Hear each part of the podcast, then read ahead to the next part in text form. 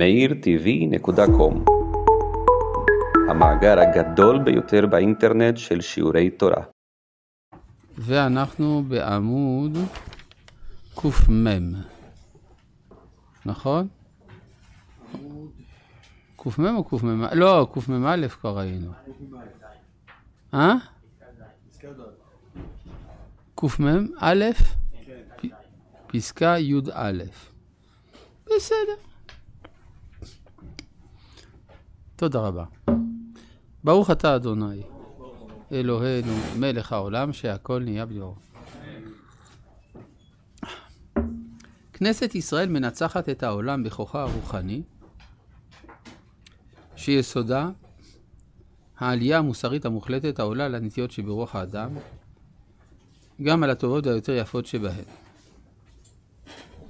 כלומר, אם תשאל את עצמך, מה זה העולם עם עם ישראל והעולם בלי עם ישראל? תאר לעצמך. איך הייתה נראית ההיסטוריה האנושית, ההיסטוריה של הדעות, של האמונות, בלי, ה... בלי עם ישראל. עכשיו, עם ישראל הוא לא הכוח היחיד, יש עוד כוחות נוספים שפועלים בעולם. אבל כנסת ישראל, בסופו של דבר, היא מנצחת את העולם, מנצחת לא במובן של מכניעה, אלא של אה, הכנסת הנצח. יש תיעודים היסטוריים שהתקופה לפני שעם ישראל עלה. האם יש, תקופ... האם יש תיאורים היסטוריים של התקופות של לפני שעם ישראל עלה על במת ההיסטוריה? התשובה היא כן. אגב, מה זה עם ישראל? לא, גם אחרי שעם ישראל נודע בהיסטוריה והתחיל לפעול, הידיעה על עם ישראל הייתה הדרגתית, יש מקומות שלא שמעו על עם ישראל. נכון?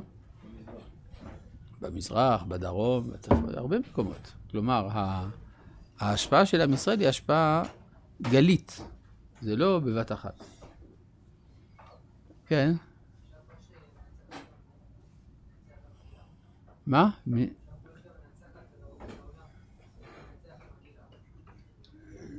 מנהיגה, אתה אומר? מלשון מנצח, המנגן.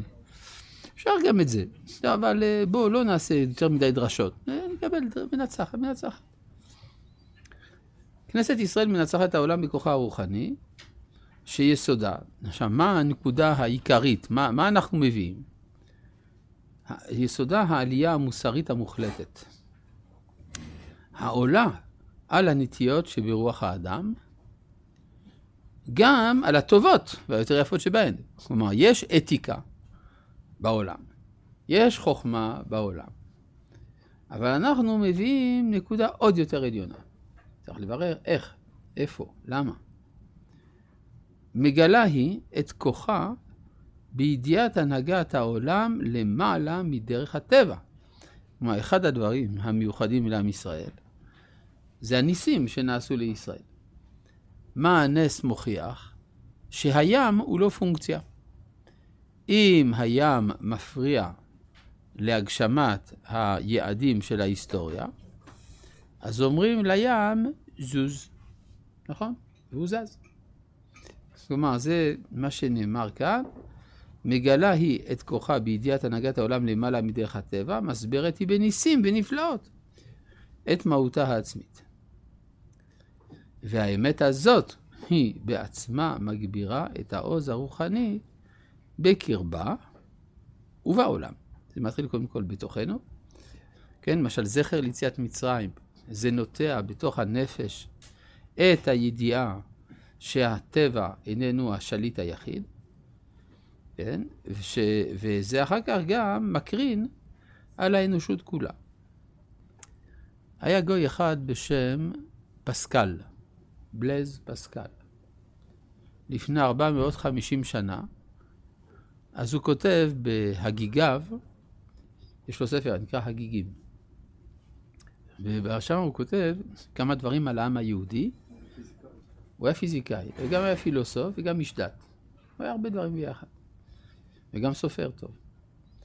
אז הוא כותב על היהודים כמה דברים, ביניהם הוא אומר, מציאותו של העם הזה מתמיהה אותי. משום שאם אי פעם נגלה האלוה אל בני האדם, עליהם יש לפנות כדי לקבל את המסורת על כך. מעניין. כלומר, הוא היה גוי נוצרי אדוק, אבל הוא אומר, אם אי פעם אלוהים נגלה, זה אליהם שצריך לפנות. מה?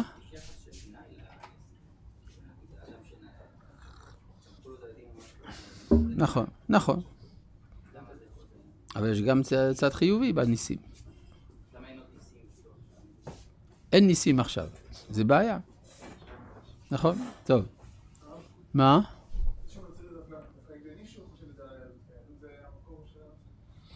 כן, אבל לנסח את זה בצורה הזאת, הוא דווקא ראה, הוא זה שראה לנכון לעשות את זה. כן. תמיד זה מובן מאליו, כן, אבל אתה היחיד שאמר. כן, אבל שזה הסיבה של, ה, של התמיהה, של הייחודיות של עם ישראל, זה דבר שלא כל נוצרי היה מוכן להודות בו. כן, למשל. טוב, אז מה שאומר כאן הרב, מסברת היא בניסים ונפלאות את מהותה העצמית, והאמת הזאת היא בעצמה מגבירה את העוז הרוחני בקרבה ובעולם. אי אפשר לאדם היחידי והקיבוצי שיתעלה על טבעו, בזמן שהוא תמיד חושב שכל המוטבע בטבע, אין עליו כוח עליון להחליפו בעילוי. על כן, אין מנוס משפלות המוסר שבעומק הרוח, לא לעובדי עבודה זרה ולא לכופרים מוחלטים, והמחשבה שהיא מתעצ... שמעצמת את הרוח להעלותו מכל המגרעות שבטבע הבהמי הפראי של האדם, היא רק המחשבה האמונית המבררת את פעולותיה על ידי שלטון שם השם בעולם, בהתגלות רצונית אידיאלית, שזהו גילוי שם ההוויה שבתורת ישראל. זו הבחנה בין י' כ' ו' כ', שם ההוויה, לבין שם אלוהים. אלוהים, כל העולם כולו מכיר, בצורה זאת או אחרת. בצורה של אמונה דתית, בצורה של הסברה מדעית. כולם מכירים שיש איזה היגיון, יש איזה סדר למציאות. אלוהים. אבל שלמעלה מן הסדר יש שינוי, זה שם הוויה, זה מיוחד לישראל. כן, מזה עולה על הטבע, כן. כן, למשל. למשל, זה מה שאומר, אה, מה שאומר אברהם אבינו לשני הנערים, שבו לכם פה עם החמור. ואני והנער נלכה עד כה, ונשתחווה ונשובה עליכם. מה ההבדל בין פה לכה? נכון? שאלה טובה. פה זה בגמטריה כמה? כמה זה שווה 85? 86 פחות 1, נכון? מעט מילואים. כלומר, אתם תישארו עם החמור. מה זה חמור? זה בהמה קצת חכמה. נכון? מה זה אדם? זה חמור מאוד חכם. כלומר, בסופו של דבר אין הבדל מהותי בין ההשכלה של האדם לבין ההשכלה של החמור. שניהם נתונים בתוך הטבע. ולכן אומר אברהם, שבו לכם פה. פה זה העולם הזה. עם החמור. זה בעצם אותו הדבר. אבל אני והנער נלכה עד כה. כמה זה כה? 25. שזה שווה? 26 פחות 1. שם הוויה. ותחסרהו מעט מאלוהים וכבוד והדר תעתרהו. האדם הטבעי, הוא חסר מעט מאלוהים. כלומר, הוא כמעט 86, אז הוא 85. האדם הוא לא שם הוויה, אבל הוא כמעט, הוא דבק בשם הוויה, 25. בסדר? כלומר, המיוחד... נכון, זה המדרגה של סתם בני אדם. נכון? אכן כי אדם תמותון. עכשיו, לעומת זה שם הוויה, שהוא מתעלה מעל הסדר הטבעי, והוא זה שנותן תקווה, וגם מוציא את האדם מן השפלות. אם אני לא מאמין שאפשר להתעלות מעל סדר הטבע, בסופו של דבר אין הבדל מהותי ביני לבין הבהמה. אבל אנחנו לא חיות, רק בני אדם. זה יום הבוחר. כן, מה?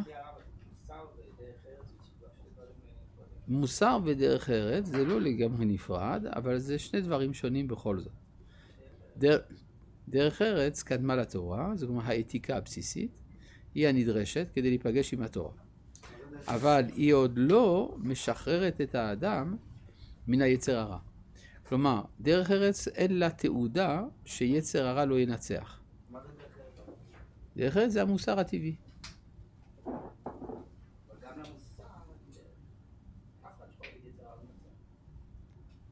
לא, ודאי שיצר הרע יכול לנצח. נשאלת השאלה, האם יש רעב בעולם? התשובה היא, כן. האם זה שיש רעב בעולם זה בגלל שאין מה לאכול? יש מה לאכול. יש מה לאכול, וכל המשאבים הנדרשים כדי להשביע את כל כדור הארץ, יש. אז למה זה לא קורה? כי כל המשאבים מושקעים בנשק, במלחמה. איך להרוג אחד את השני, נכון? עכשיו נשאלת השאלה, מה מביא את בני האדם לרצות כל כך להרוג אחד את השני? תשובה, יצר הרע, נכון? אבל כאן עולה שאלה, זה נכון שיש יצר הרע, אבל יש גם יצר הטוב. אז למה יצר הרע הוא המנצח ולא יצר הטוב? בגלל שהטענות של יצר הרע מתקבלות על הדעת יותר. למה הן מתקבלות על הדעת יותר? יצר הרע משלם במזומן. יצר הטוב בצ'ק דחוי. ברור. מניין לך שהיצר הטוב צודק? כי היצר הרע אומר את האמת, שהעולם בנוי על קנאה ושנאה ותחרות. אז צריך הוכחה שהיצר הטוב שאומר שצריך לתת לזולת הוא אמת. איך יודעים שהוא אמת? כי פעם אחת בהיסטוריה הוכח הלכה למעשה שאפשר לצאת מעבדות לחירות. לא רק מן העבדות הפוליטית של פרעה, אלא גם מהעבדות אל הטבע, על ידי הניסים. כך שאם אנחנו רוצים לפתור את בעיית הרעב בעולם, צריך לדאוג לזה שיזכר, שתיזכר יציאת מצרים. לכן, אדם שיש לו דרך ארץ הוא אדם טוב, אבל אין לו ראייה שהיצר הטוב ינצח. כי בסופו של דבר הוא נתון בתוך עולם הטבע, ועולם הטבע בנוי על התחרות. בסדר? טוב. זה כמו מה שהרמב"ם כותב בשמונה פרקים על ההבדל לצדיק, לישר ולכובש. כן. אלא מה אתה אומר? אה, כלומר, אצל הכובש הוא יותר מרגיש שהיצר הרע הוא העיקר, נכון.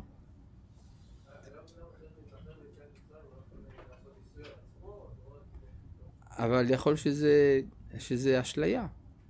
יציאת מצרים הייתה הראייה העובדתית שהחירות היא לא בלוף. אפשר להתעלות מעל הטבע. אה?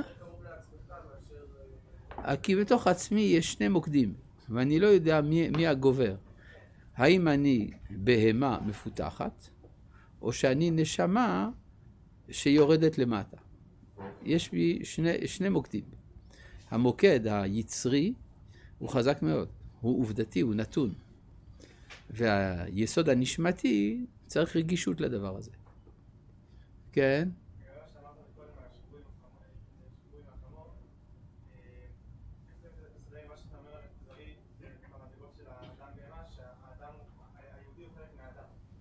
כן.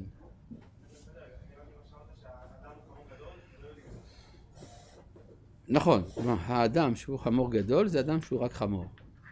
כלומר אין הבדל בין האדם לחמור. האדם שהוא באמת אדם הוא האדם ששומע דבר השם. וזה היה אצל האדם הראשון. מה? בוודאי. מה, השמיעה? לא, זה הנשמה. יש בכל אדם נשמה, לא כל אחד מודע לזה. אם תגידי שלמודעות אפשר לקרוא פעולה, אז כן.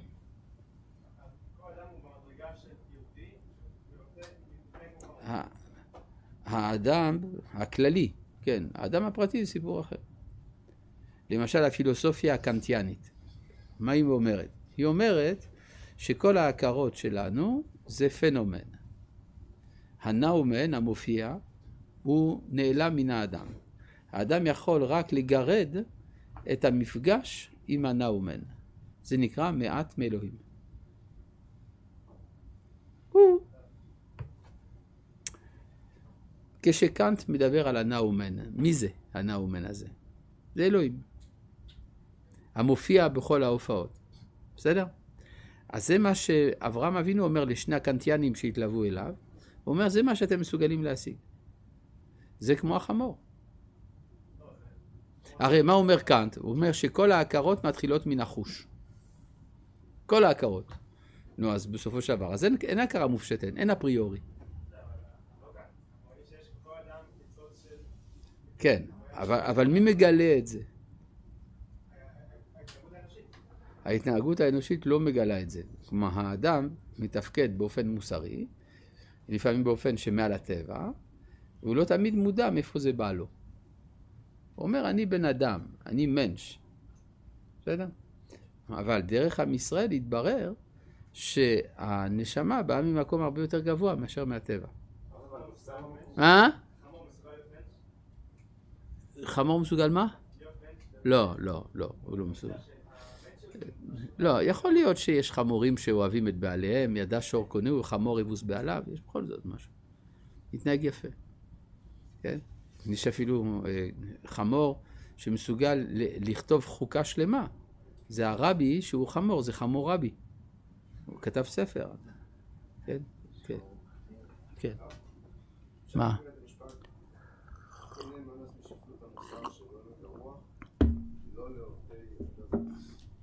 בואו נקרא את זה שוב. אה? כנסת ישראל מנצחת את העולם בכוחה הרוחני שיסודה העלייה המוסרית המוחלטת, העולה על הנטיות שברוח האדם, גם על הטובות והיותר יפות שבהן, מגלה היא את כוחה בידיעת הנהגת העולם למעלה מדרך הטבע. מסברת היא בניסים ונפלאות את מהותה העצמית. והאמת הזאת היא בעצמה מגבירה את העוז הרוחני בקרבה ובעולם. אי אפשר לאדם היחידי והקיבוצי שיתעלה על טבעו, בזמן שהוא תמיד חושב שכל עמוד בה בטבע אין עליו כוח עליון להחליפו בעילוי. על כן, עד כאן קראנו, נכון? על כן, אין מנוס משפלות המוסר שבעומק הרוח. כלומר, אתה מוכרח בסופו של דבר להגיע לנפילה מוסרית, לשפלות מוסרית. לא לעובדי עבודה זרה, כלומר אין להם מנוס לעובדי עבודה זרה. ולא לכופרים מוחלטים. למה? בגלל שהם אינם מכירים בכוח שמשנה את הטבע, שמאפשר להתעלות מעל הטבע. והמחשבה שהיא מעצמת את הרוח להעלותו מכל המגרעות שבטבע הבהמי הפראי של האדם, היא רק המחשבה האמונית שבעצם פורצת את הגבול של הטבע.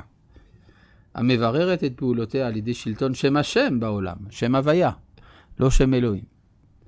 בהתגלות רצונית אידיאלית. כלומר, זה לא רק אידאות או אידיאלים, זה רצון אידיאלי, שזהו גילוי שם ההוויה שבתורת ישראל. כמו שאמר לי פעם אחד ממנהיגי קטמקויה, אתם אחראים על, הטרנדנצנט, על הטרנסצנדנטליות בעולם. הוא התכוון לזה שהעולם הוא כמין מערה חשוכה. אולי עם אורות מלאכותיים, ספוטים. אבל האור המקורי, יש מי שאחראי להביא אותו. זה אנחנו.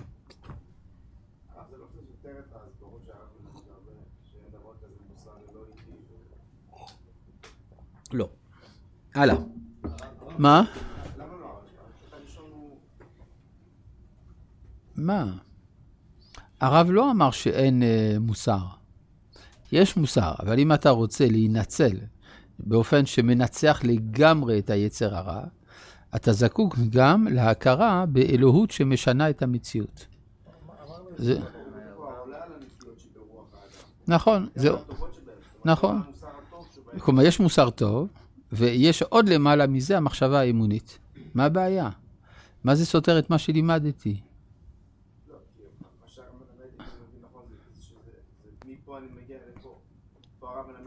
יש מוסר, כשאומרים מוסר אלוהי, הרב קוק משתמש בביטוי הזה. הכוונה לייחס את המוסר לאלוהים. כלומר, מי שיאמר, המוסר יכול לעמוד באופן אוטו, אוטונומי, כמו שקאנט אומר, כן? המוסר זה צו קטגורי של התבונה. אז ברגע שאתה אומר משפט כזה, אתה אומר, אני בעצם לא זקוק לאלוהים בתוך המערכת הזאת. אומר הרב, אם אתה לא זקוק לאלוהים באמירה הזאת, אז אתה הופך את העולם לאיזה מין מערכת סגורה בתוך עצמה, שאין לה שחרור מן הכוחות הפועלים בה. אחד הכוחות הפועלים באופן קבוע במציאות זה הקנאה והשנאה והתחרות. ולכן, אם אתה לא פותח איזשהו פתח בגג של העולם, אז העולם ייפול. אפשר לקרוא לזה אתאיזם. קאנט לא היה אתאיסט. הוא חשב שהמוסר עומד בפני עצמו. זה מה שהוא חשב. ואיפה אלוהים אצלו? אה? איפה אלוהים אצלו בכל ה... אלוהים למעלה מזה. בעצם מה שקרה בשואה, שאנשים שהם היו אקדמאים ומשכילים כביכול הם אלה שרצחו. המוסר לא עמד. נכון. כמו שהרב אמר באורות הקודש, חלק ג', המוסר לא יעמוד ללא מקורו.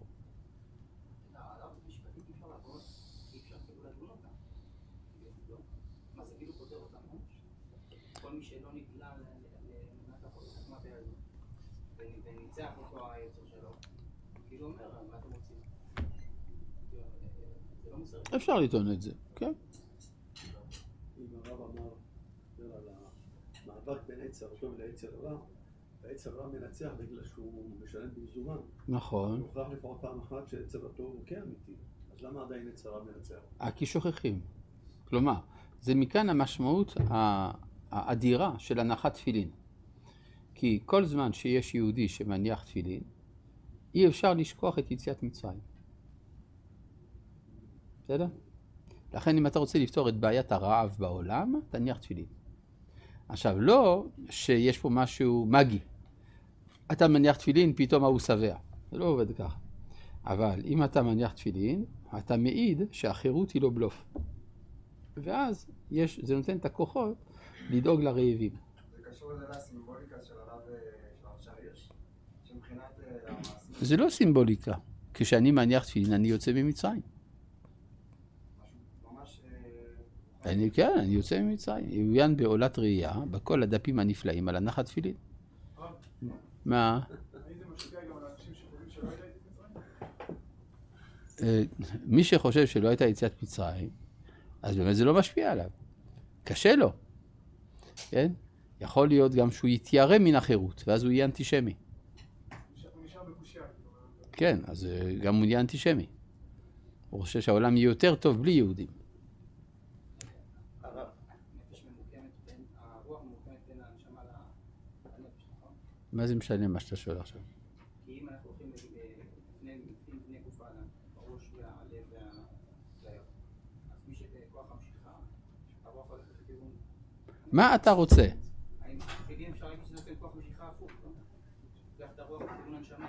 לא? לא יודע, הוא לא נכנס לפרטים האלה.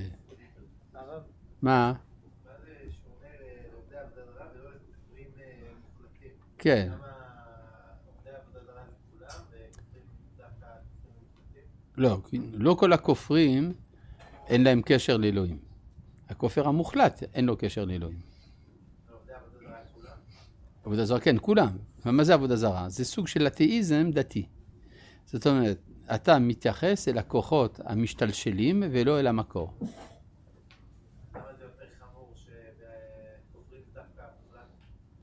לא, כי יש כופרים לא מוחלטים, שיש להם כן קשר לאלוהות. עובדי עבודה זרה אין להם... בעבודה זרה אין קשר לאלוהות. הם אומרים אלהה דאלא היה. אז שלא יתערב לנו בחיים. כן. איך? אצל הכופרים יש קשר? למשל, על ידי המחשבה שלהם, על ידי הפילוסופיה, על ידי הרבה דברים. כן. והשירה. הטבע הוא לא יצרים, הטבע הוא מקור היצרים. כן? כי בטבע יש תחרות. כן? זה מה שמנהל את העולם. כן. מה שאומר פה בשורות האחרונות בעצם זה במילים אחרות, מה שאברהם אומר לאבימלך זה שכאילו, אה, מה שמציל את האדם מה... כן, רק אין יראת אלוהים. במקום הזה והרגוני. כן, זה לא, המלבים. מה- כן, לא, אבל מה שהוא אומר פה זה בעצם שמה שמציל את האדם מלא להיות חלק מהמשחק של הטבע, זה, זה המ- המ- המחשבה האמונית שהוא חלק נכון, למשל. למשל אברהם אבינו אומר, גר ותושב אנוכי. איך אתה גם גר וגם תושב? אתה גר בעולם הזה מצד הנשמה. זהו, אתה המחשבה תושב מצד הגוף. עכשיו, אברהם אומר לאנשי חברון, גר ותושב אנוכי, עמכם, גם אתם כאלה. והם אומרים, "אה, זה לא נכון, אתה מדבר ככה כי נשיא אלוהים אתה בתוכנו. אבל אנחנו עם הארץ. כלומר, אתה לא, לא משכנע. אנחנו נשארנו עם עפרון, החיתי. זה הבנתי, רק לעובדי, עבודה זרה ולכופרים אין את זה, כי הכופרים בעצם הם אה, כאילו חלק מהטבע, כי אין אלוהים, ועובדי עבודה זרה עובדים את הטבע בעצמו. נכון. הם גם אין להם את הברירה הזאת שהם חלק מבחוץ. שתי אלה הם בתוך הטבע. נכון, ואז מה? זהו, רק רציתי... אה, אז זה דבר. טוב. אה? איך את מגבירה את ה- את ה- את העוז הרוחני בקרבה? בעולם הבנתי, כי היא משפיעה באמת על כל העולם, אבל בקרבה, מה- כן, זה מתחיל כל בתוכנו. אני צריך לזכור שיצאתי ממצרים. בכל דור ודור חייב כל אדם לראות עצמו כאילו יצא ממצרים. אז זה מתחיל ממני. ברגע שיש לי בתוכי נקודה הכרתית של חירות, אז זה מקרין על אחרים. אבל האמת הזאת טבועה בתוכך, כאילו... אה, לא טבוע, היא טבועה, אבל אה, מאוד עוזר לה הזיכרונות. אה, פגשתי לאחרונה פרופסור אחד שאמר לי, אני בפסח מקפיד לאכול חמץ, כי אינני זקוק לקביים כדי לדעת שיצאתי ממצרים. אני הייתי שם. אז אמרתי לו, אתה האדם היחיד שאני פגשתי שאוכל חמץ זכר ליציאת מצרים. כן. כן. טוב. מה?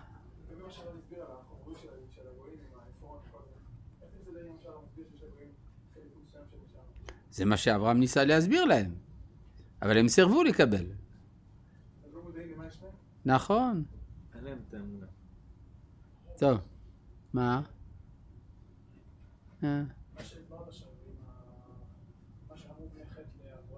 ש...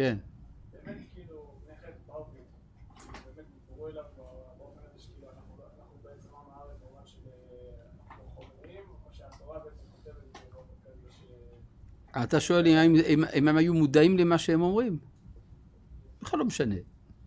כי הרבה יותר חשוב ממה שהאדם מודע, הרבה יותר חשוב התת מודע. התת מודע פועל בין שאתה רוצה בין שאתה לא רוצה. אבל השאלה אם באמת ה- אברהם כאילו בא ומנסה להגיד להם שכאילו יכול להיות? אז אמרתי לך, זה לא משנה. כי גם אברהם אבינו, כשהוא אומר גר ותושב אנוכי, יש הרבה רבדים לאמירה הזאת. כן, הרי פרויד כבר הסביר לנו שמה שהאדם אומר, לובש, עושה, כוסס ציפורניים, איך הוא נועל את הנעליים, כל זה מגלה עולם שלם של ערכים תת-מודעים, שהוא אפילו לא מודע שזה מה שהוא עושה, אבל זה מה שהוא עושה. בסדר? טוב, מה? הבוקר הייתה לנו, אה, חגיגה משפחתית. נולדה נכדה לאחי. אז אה, בבית הכנסת הגיע החתן, הגיע אבא שלו. אז אה, החתן הניע תפילין, ואבא שלו לא, אמרתי לו, אתה מניע תפילין. אז הוא למה צריך? אמרתי לו, זה עוזר לנפש, הוא נפש של מי? אמרתי לו, זה עוזר לזכר יציאת מצרים. Mm. אני כבר הייתי שם. אה, יפה. אז זאת אומרת, יש עוד אחד כזה. טוב. מזל טוב, אגב, חוץ מזה, כן. טוב, פרק י"ב, אפשר? יאללה. מה? אה, אבל אם באמת ככה, מה צריך לענות לו? הוא רוצה להתחבר, כאילו, הוא אומר, אני מצליח להתחבר אה, בלי המצווה הזאת של האמונה. הוא לא לבד בעולם. הוא חלק מאומה. והידיעה הזאת, שהוא יצא ממצרים, עברה לו דרך העובדה שהאומה נמנעה מאכילת חמץ. אז הוא עצמו יכול, כאילו... הוא כפרט, יכול להיות שזה האופן שהקדוש ברוך הוא שופט אותו, אני לא שופט את האדם, בסדר? טוב, פרק פסקה י"ב. היהדות הניסית והיהדות הטבעית. הן משולבות זו בזו, אחוזות אחת בחברתה, כאחיזת נשמה בגוף. במגילת העצמאות, אז זה מתחיל בעניינים רוחניים. בארץ ישראל קם העם היהודי, בא ופיתח נכסי תרבות, וזה, והנחיל לעולם כולו את ספר הספרים הנצחי. ומאז שהוגלה מארצו בכוח הזרוע, לא פסק מתפילה. ומתקווה לשוב וכולי וכולי. אחר כך, אחרי כמה פסקאות, זאתי זכותו הטבעית של העם היהודי למדינה משלו. כן? כלומר, יש לכאורה סתירה בין ראשית המגילה לבין ההמשך של המגילה. או שאתה מדבר על זכות תרבותית, רוחנית, אלוהית, או שאתה מדבר על זכות טבעית. בסדר? עכשיו, אני מתאר לעצמי שאדם כמו בן גוריון לא היה טיפש. כן, לא יודע אם זה רק הוא שניסח, שם הייתה ועדה שלמה שניסחה. אבל בסופו של דבר זה מה שהוקרא. כן, והיו שם ויכוחים בין הדתיים לבין החילונים וכולי, זה לא היה דבר פשוט ומובן מאליו, אבל זה מה שהוא אומר. ופתאום, אחרי כל התשע פסקאות של תכנים רוחניים וערכיים, הוא אומר, וזאתי זכותו הטבעית של העם היהודי למדינה משלו. אז מה, איך להבין את זה? אז זה פשוט, הוא קרא את הרב קוק. היהדות הניסית והיהדות הטבעית הן משולבות זו בזו. אחוזות אחת בחברתה, כאחיזת הנשמה בגוף. וכמלחמה שבאדם הפנימי היחיד, שלפעמים הנשמה מתגברת והיא מהירה, אבל הגוף נלקה על ידי זה יותר מדי, ומתוך כך באה הנטייה אופקית, לחזק את הגבייה, והנשמה סובלת מחשקת הגשמיות, וחוזרת נטייה נשמתית להופיע. זאת אומרת, יש איזה מין גלגל, גלגל כזה שחוזר בתוך האדם. לפעמים, השאלה היא מי אני. יש נטייה פשוטה לומר, אני אישיות. אני אישיות, אני נשמה. כן? כל יהודי, איזה נשמה טובה. כן? כך אומר הרב דב ביגון. נכון? כל יהודי הוא נשמה טובה. אבל הנשמה הטובה הזאת היא מסתבכת. היא מסתבכת בכבלי הטבע, בגופניות, בביולוגיה, בתסביכים. אז, אבל אני, אני נשמה. יש תפיסה הפוכה שאומרת, לא, אני מכונה. אני מכונה, זה מתפקד, ונדמה לי שיש לי נשמה, אבל זה בלוף. כלומר, השאלה איפה המוקד העיקרי באדם. האם האדם הוא שמימי או ארצי? בבראשית רבה, ביום הראשון הקדוש ברוך הוא ברא שמיים מן העליונים וארץ מן התחתונים. ביום השני רקיע מן העליונים, ביום השלישי הצמח מן התחתונים. ביום הרביעי מאורות מהעליונים, ביום החמישי דגים ועופות מן התחתונים. תיקו. ביום השישי רצה לברוא את האדם, אמר אם אברא אותו מן העליונים יש קנאה בתחתונים, ואם אברא אותו מן התחתונים יש קנאה בעליונים. מה עשה? עשה את נשמתו מן העליונים וגופו מן התחתונים, ויש שלום בעולם. ומאז יש מלחמה באדם. כן, כלומר, בתוך האדם. מי אני? אני ככה, אני ככה. האם אני סובייקט או אובייקט? האם אני מישהו או משהו? ברור? והדבר הזה מתפשט בכל מיני רמות של ויכוח, אפילו ברמה של הוויכוחים המפלגתיים או, ה, או ה, הציבוריים, כן? ציבור אחד חושב כך, ציבור אחד חושב כך. יש הכל, נכון? אדם ובהמה תושיע השם. עכשיו, אז זה מה שאומר כאן, אותה המלחמה בין היהדות הטבעית והניסית, היא גם ביטוי, או מתבטאת, במאבק הפנימי בתוך האדם. כן? אה, ואז מה קורה? אחוזות זה בזה בחברתה כאחיזת נשמה גוף. וכמלחמה שבאדם הפנימי היחיד, שלפעמים הנשמה מתגברת והיא מהירה.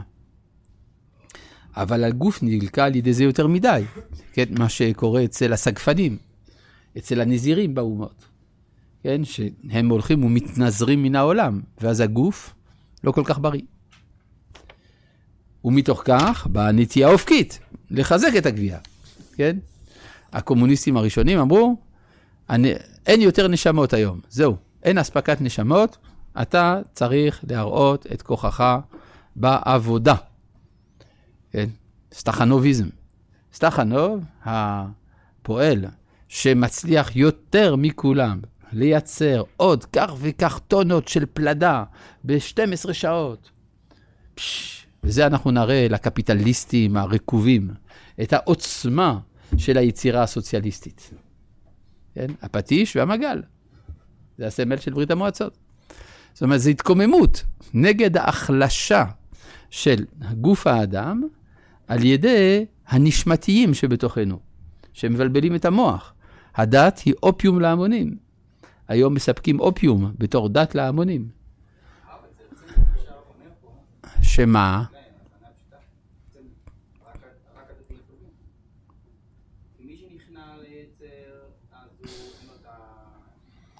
למה? הנה, הוא אומר, נטייה אופקית לחזק את הגבייה, אבל אתה לא קורא את ההמשך. והנשמה סובלת מחשקת הגשמיות. אבל הנשמה היא קיימת, היא סובלת מחשקת הגשמיות בין שאתה מודע לה ובין שאתה לא מודע. וחוזרת נטייה נשמתית להופיע, ולכן יש מדי פעם עלייה של היסוד הרוחני. למשל היום, בעידן המודרני, אנחנו רואים בעולם, שיש נפילה של הדתות. הדתות מאבדות אה, כוח. אבל מה כן עולה? הרוחניות. יש חיפושי משמעות אדירים בעולם, וזה בא לידי ביטוי בכל מיני מדיטציות. לא דרך הדת. מה? לא, לא דרך הדת, אבל דרך הרוחניות, או מאיזושהי השפעה של הדתות, כן? אין היום במערב בודהיסטים אמיתיים, אבל יש הרבה מתבהדיסטים, כן? מתבהדים. אז אה, מה שאומר, וחוזרת נטייה נשמתית להופיע. ובכל אותן העליות והירידות, שיווי המשקל הולך ומתקרב. עד שבסוף שני הגושים מגיעים לשוויון בבחירות. כמו כן הוא ביהדות הכללית. כשהרעיונות, תולדות היהדות הניסית, מתגברים, הרי היהדות הטבעית נלקה. למשל, בעזרת השם יבוא משיח. איך יבוא? מן השמיים. כן? זה יהדות ניסית. יש מישהו עכשיו שעושה קונגרס בבאזל, תעזוב. לא עוזר, לא עוזר כלום. כן? זה היהדות הניסית, היא גורמת ללקות ביהדות הטבעית. היהדות הניסית גורמת ללקות ביהדות הטבעית. זה מה שאמרתי. זה גם מה שהרב אומר כאן. מה? הוא לא מדבר על הניסים, הוא מדבר על היהדות הניסית. הרי היהדות הטבעית נלקה. וממילא מרגשת היא גם היא בחסרון זה, שבליקוי, שבליקוי זה של היהדות הטבעית, עובד הוא ההוד שבקומתה הרוחנית של היהדות את בסיסו, וממילא בהדהוצה לקקרבה. ונלקה גם כן הנצח שביהדות. הניסי, הניסיות שבה, והלך מחשבותיה, עומק רגשותיה וחותם המעשי שלה. כלומר, כשההוד לוקה, גם הנצח לוקה. מושגים של הקבלה, נצח והוד. נצח היהדות הניסית, ההוד היהדות הטבעית. עכשיו, מה? שזה מה שקורה, כלומר, לא רק היהדות הטבעית לוקה, אלא על ידי לקותה של היהדות הטבעית, גם היהדות הניסית לוקה. וזה המשמעות של בהדה הוצא לקקרבה. אה, מה זה בעברית? חשבתי שאתה יודע ארמית. למה יש בכלל טקסטים בארמית? כדי שיבינו, נכון? נכון, זה, זה, למה הקדיש בארמית? כדי שיבינו. כן, אז בהדה הוצא, כלומר, יחד עם הקוצים, לכה קרבה, גם הכרוב לוקה. כלומר, כשאתה מבאר את הקוצים מן השדה, אתה עלול גם לפגוע בכרוב. בסדר? זה לא רק הכרוב, גם הראש. כלומר, ראש כרוב. כן. לא, לא, כלומר, הטבעית היא קוצים ב... לפי שיטתה של הניסית. אז זה, זה ביטוי, כלומר, כשאתה פוגע בדבר, אתה פוגע גם במה שלידו. זה הכוונה. מה? אה? הוא לא מתכוון לניסים ממש. נכון. או שיש לה, היא לא, היא לא לגמרי אשליות. כן, לפעמים אה, אה, אתה אומר, אה, עוד מעט הקוזקים באים לעשות פוגרום, אז מה עושה הצדיק? מתפלל, ואז הקוזקים בורחים. יש, לפעמים זה קורה. אבל יותר טוב לברוח ליער. כן. ונלקח גם כן הנצח שביהדות, הנשיאות שבה ולך מחשבותיה. עומק רגשותיה ויכולתם המעשי שלה. עד אשר, בכוח החזרה התכופה, ההולכת ובאה, משך של תקופות שונות. כלומר, לפעמים זה מטוטלת, לפעמים גוברת היהדות הטבעית, לפעמים היהדות הניסית. ההשתלמות הקומתית של האומה בשיווי המשקל הולכת ומתקרבת, והנצח וההוד יחדיו משפיעים הם את כוחם. אפשר לכבות את המזגן המחמם הזה? וכנסת ישראל מתעלה עליהם. אתה רואה שזה לא עובד. כן. מה? אי אפשר לדעת מה קורה פה. תוסיף רק קצת שמן ות, ותבלינים, אנחנו נהיה טעימים. כן. אה, אפשר לפתוח את החלונות קצת, משהו. טוב, לא יודע. וכנסת ישראל מתעלה עליהם, היא המקור ליהדות בכללה בשני ערכיה הכלליים. היא עולה על שניהם במהות ההתחלקות שלהם, ומזוהר תפארת ישראל הרי היא סופגת את אורה, וממילא מתמזגות הן שתי הצורות הללו אשר לכנסת ישראל הניסית והטבעית וכל הסתעפויותיהן, למשל במלחמת ששת הימים. זו הייתה יהדות טבעית, צה"ל. אבל איזה נס זה היה, נכון? אומרים הלל על זה. במעמד כזה שכל אחת מרחיבה את הגבול של חברתה. על הנצח וההוד. ויונקת מתפארת ישראל, שהיא השורש העליון של שניהם. כן.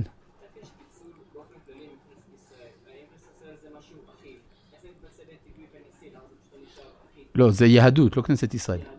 יש הבדל בין היהדות הניסית והיהדות הטבעית לבין כנסת ישראל. כנסת ישראל היא הישות הכוללת. כי העולם כולו מפוצל. מה, גם אתה מפוצל. סליחה? גם אני מפוצל. מקווה שלא מאכזב אותך.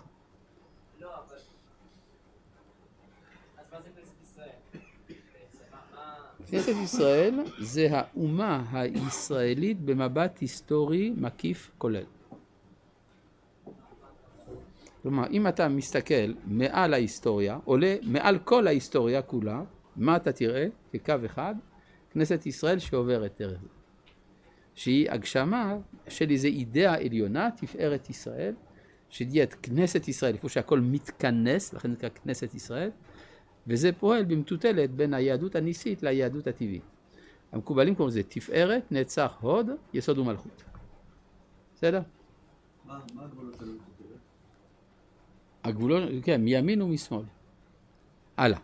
אה, מה? מימין ושמאל על מה? מה נשאר בגבולות האלה? נצח והוד. לא. נכון, נכון. נכון? נצח זה מלשון נס, נכון? יש נון. והוד זה ד', יש שם ד', דרך הטבע. כן. נכון. זה קורה במהלך ההיסטוריה. ההיסטוריה מסדרת רטט אמצעי, ב... הרי מטוטלת אף פעם לא מפסיקה באמת. המטוטלת ממשיכה את הרטט העדין, שהוא האמונה. בסדר?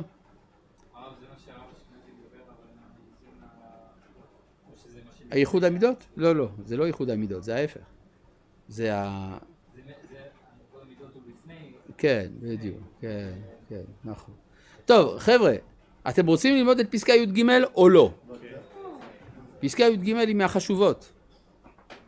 בסדר? טוב. הנושא, הנסירה. מה זה נסירה? שאתה לוקח דבר אחד שהוא מאוחד, אתה חותך אותו לשניים. נכון? איפה מצאנו את זה בתנ"ך? האדם הראשון, כן? הוא נרדם, הקדוש ברוך הוא חותך אותו, הוא מתעורר? שניים. מי אני? כן, כלומר, בהתחלה דבוקים זה לזה, כן? זכר ונקבה דבוקים זה לזה, ואחר כך פתאום מתעוררים, וואו, אבל לא אני בוחר בך, את בוחרת בי. התעורר. מה? לא כתוב שהוא התעורר. לא כתוב שהוא התעורר, אז מה? מה זה מוסיף לשיעור? תגיד לי, לא מוסיף, נכון? טוב, הלאה. טוב, אי אפשר לאדם להיפרד מדבקות האלוהית. זה מעצבן, אני כל הזמן דבק באלוהים. לא אפשר להשתחרר, אפשר קצת אה, עצמאות, משהו. ואי אפשר לכנסת ישראל להיפרד מצור ישעה אור השם אלוהי ישראל. למה הוא כותב את זה? זה שלילי. אבל אי האפשרות הזאת, ההולכת ומופיעה בכל הדורות, יש בה הכרח טבעי שאיננו נותן מקום לבהירות הדעת לגלות את פעולתה. מרוב דבקות באלוהים, אני לא יכול לבחור באופן שכלי ועצמאי באלוהים. זה דבוק בי, בעצמות. כן, זה בעיה. אז איפה העצמאות? לכן הוא אומר, על כן. באים ימים שתרדמה נופלת על האדם. מה זה תרדמה? הוא מאבד את ההכרה.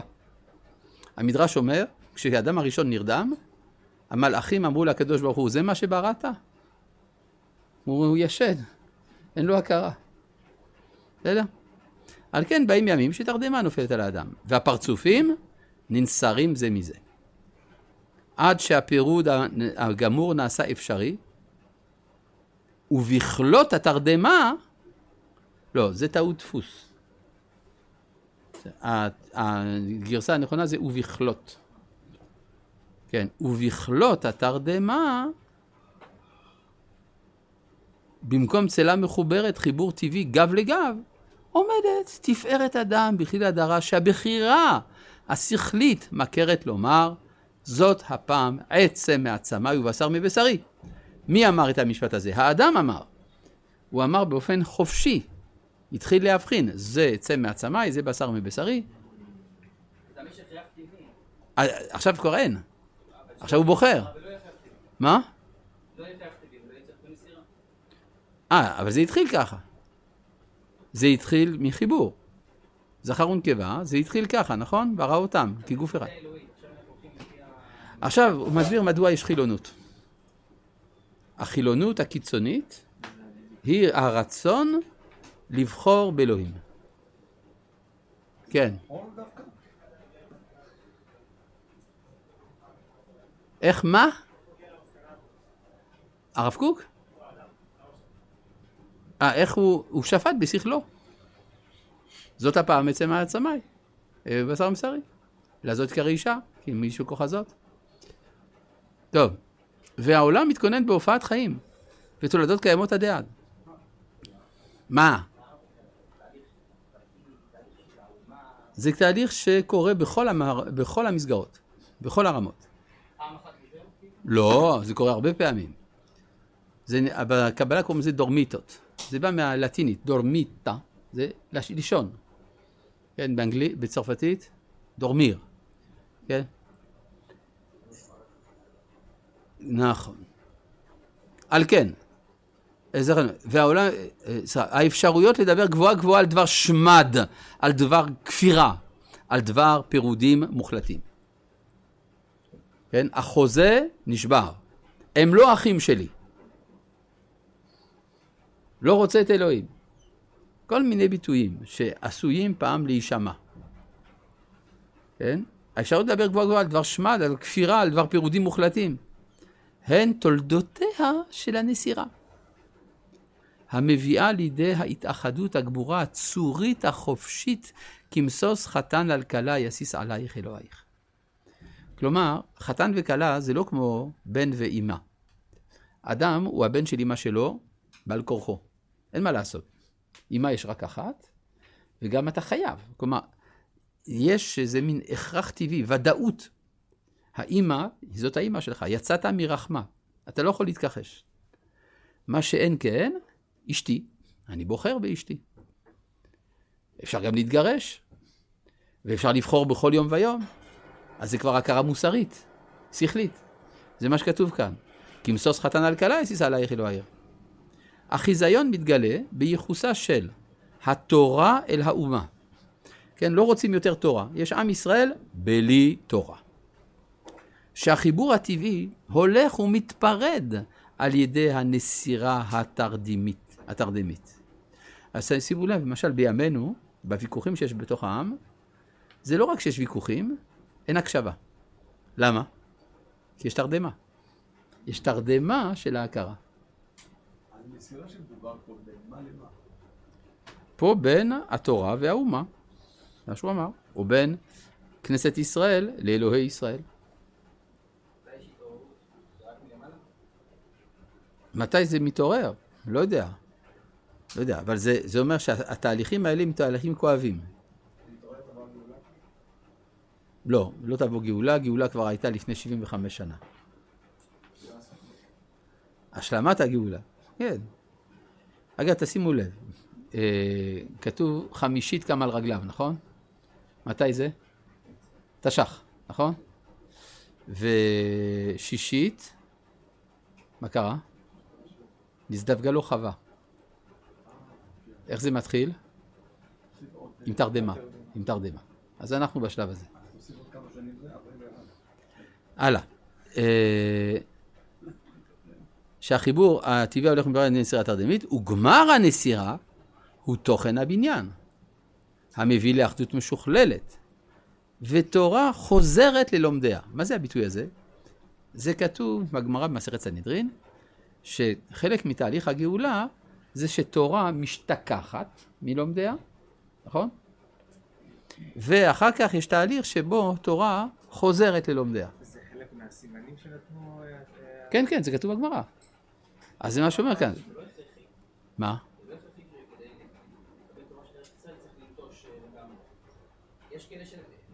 אה. אנחנו מדברים פה על תהליך כולל, לא על אדם פרטי. יש אנשים פרטיים שאצלם זה עובר אחרת. הרב אמר שהתהליך נסיעה הוא בכל נמל. כן, יש אצל הפרט, אצל האומה. מה? וכל... מה? כן, וכל... הרי גם כשאדם ישן הוא לא לגמרי מת, נכון?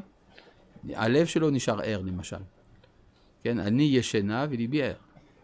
וכל בנייך, לימודי השם, ורב שלום בנייך. מה זה שלום בנייך? השלום בין הצדדים הנפרדים.